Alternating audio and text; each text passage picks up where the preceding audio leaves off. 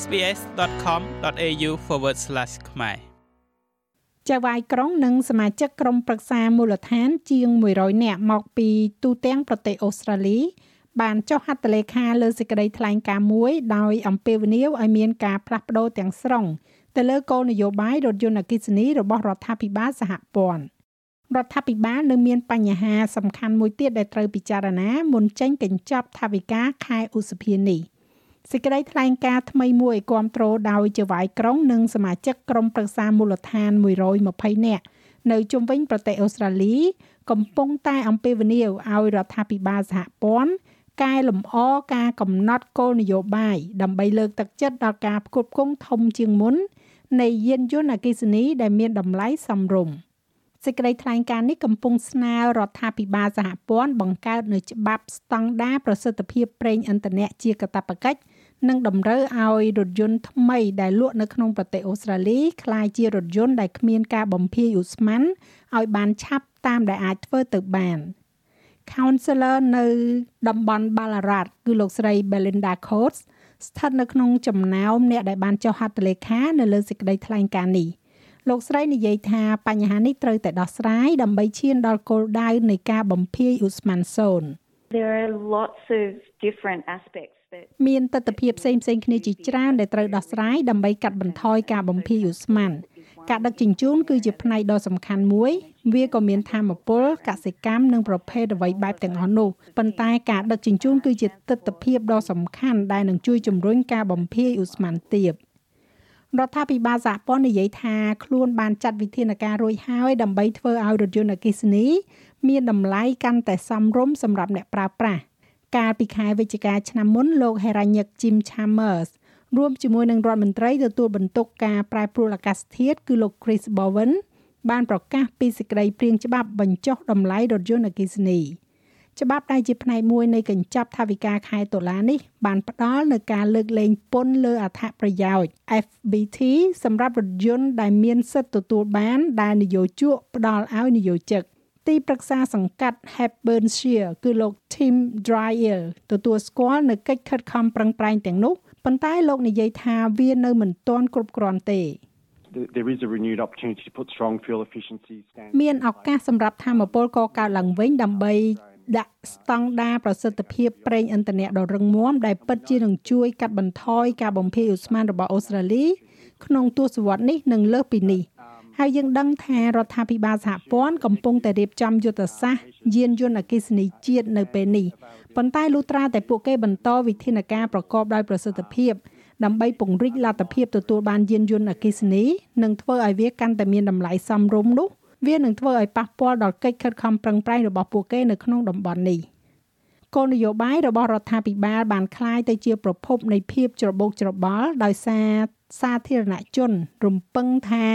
ក្រុមប្រឹក្សាមូលដ្ឋានរបស់ពួកគេនឹងចាត់វិធានការដំបូងឆ្ពោះទៅរកការកាត់បន្ថយការបំភាយឧស្ម័នដោយផ្ដល់នៅស្ថានីយសាកថ្ម EV អភិបាលក្រុង Landco គឺលោក Andrew Big ពន្យល់ថាត្រូវការភាពច្បាស់លាស់កាន់តែខ្លាំងរវាងក្រុមប្រឹក្សាមូលដ្ឋានឬយើងហៅថា local council និងរដ្ឋាភិបាលសហព័ន្ធ We know people are looking to local councils to យើងដឹងថាប្រជាជនកំពុងស្វែងរកក្រុមប្រឹក្សាមូលដ្ឋានដើម្បីផ្ដល់នូវហេដ្ឋារចនាសម្ព័ន្ធនេះនៅក្នុងចំណតរថយន្តសាធារណៈរបស់យើង នៅក្នុងចំណតរថយន្តបណ្ណាល័យសាធារណៈរបស់យើង នៅទីលានកីឡាសាធារណៈរបស់យើងពួកគេកំពុងព្យាយាមដើម្បីទទួលបាននូវភាពស៊ីសង្វាក់គ្នាខ្លះដូច្នេះជាថ្មីម្ដងទៀតនោះហើយជាកន្លែងដែលយើងត្រូវការកំណែតម្រង់ បទបញ្ញត្តិមួយចំនួនដែលធ្វើឲ្យវាកាន់តែងាយស្រួលសម្រាប់មនុស្សម្នានៅក្នុងការទិញយានយន្តអគ្គិសនីបញ្ហានេះកាន់តែធំសម្រាប់អ្នកដែលខ្វះមធ្យោបាយដឹកជញ្ជូនផ្សេងទៀតដូចជាអ្នកដែលរស់នៅក្នុងតំបន់ជនបទសមាជិកនៃក្រុមប្រឹក្សាអាកាសធាតុ Dr. Portia Odell មានប្រសាសន៍ថាគោលនយោបាយ EV ក៏អាចជួយដល់ការចំណាយលើការរស់នៅផងដែរ។ Over half of the elected officials who ជាងពាក់កណ្ដាលនៃមន្ត្រីជាប់ឆ្នោតដែលបានចុះហត្ថលេខាលើសេចក្តីថ្លែងការណ៍រួមនេះគឺមកពីតំបន់ជនបទនិងទីដាច់ស្រយាលពួកគេកំពុងធ្វើនៅអ្វីដែលពួកគេអាចធ្វើបាន នៅកម្រិតមូលដ្ឋានប៉ុន្តែឥឡូវនេះពួកគេកំពុងអំពាវនាវឲ្យមានសកម្មភាពសហព័ន្ធនៅក្នុងបញ្ហានេះសម្រាប់សហគមន៍តំបន់ដាច់ស្រយាលឬក៏ជនបទគឺពឹងផ្អែកច្រើនទៅលើការដឹកជញ្ជូនតាមរថយន្តដូច្នេះ ការដាក់ឲ្យប្រើប្រាស់នៅរថយន្តអគ្គិសនីគឺពិតជាអាចកាត់បន្ថយការចំណាយលើគ្រួសារទៅលើប្រេងឥន្ធនៈបានយ៉ាងច្រើនរហូតដល់ទៅ2-300ដុល្លារក្នុងមួយសប្តាហ៍ស្តង់ដារថ្មីសម្រាប់ការសន្សំសំចៃប្រេងគឺជាបញ្ហាមួយនៅក្នុងចំណោមបញ្ហាដែលបានមើលនៅក្នុងយុទ្ធសាស្ត្រយានយន្តអគ្គិសនីជាតិរបស់រដ្ឋាភិបាលសហព័ន្ធដែលបានទទួលនឹងការដាក់ស្នើកាលពីឆ្នាំមុននៅចន្លោះខែកញ្ញាដល់ខែតុលា ក្រោមយុទ្ធសាស្ត្របច្ចុប្បន្នអូស្ត្រាលីត្រូវបានគេមើលឃើញថាមានភាពយឺតយ៉ាវខ្លាំងបើធៀបទៅនឹងប្រទេសជឿនលឿនផ្សេងទៀតមកពីជុំវិញពិភពលោកក្រៅពីបញ្ហានោះក៏មានជាមួយនឹងបញ្ហាហេដ្ឋារចនាសម្ព័ន្ធជុំវិញរថយន្តអគ្គិសនីនេះផងដែរលោក Big ពន្យល់ថាសម្រាប់ការផ្លាស់ប្ដូរអចិន្ត្រៃយ៍ទៅជាធម្មពលអគ្គិសនីនឹងមានការផ្លាស់ប្ដូរលើគោលនយោបាយសម្រាប់ផ្លូវថ្នល់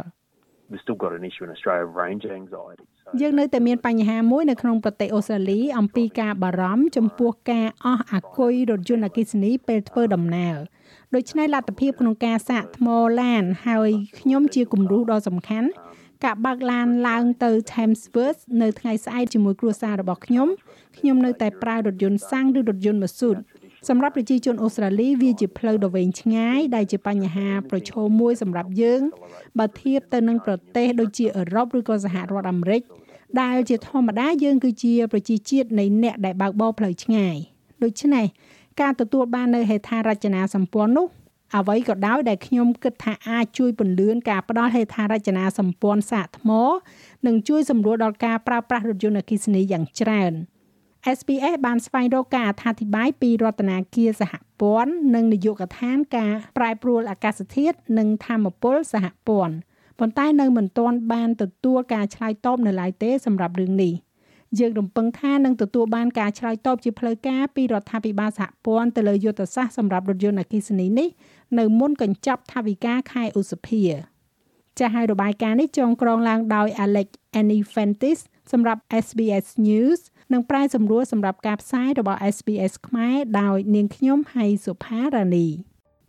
ចូលចិត្តអ្វីដែលអ្នកស្ដាប់នេះទេ Subscribe SBS ខ្មែរនៅលើ Podcast Player ដែលលោកអ្នកចូលចិត្ត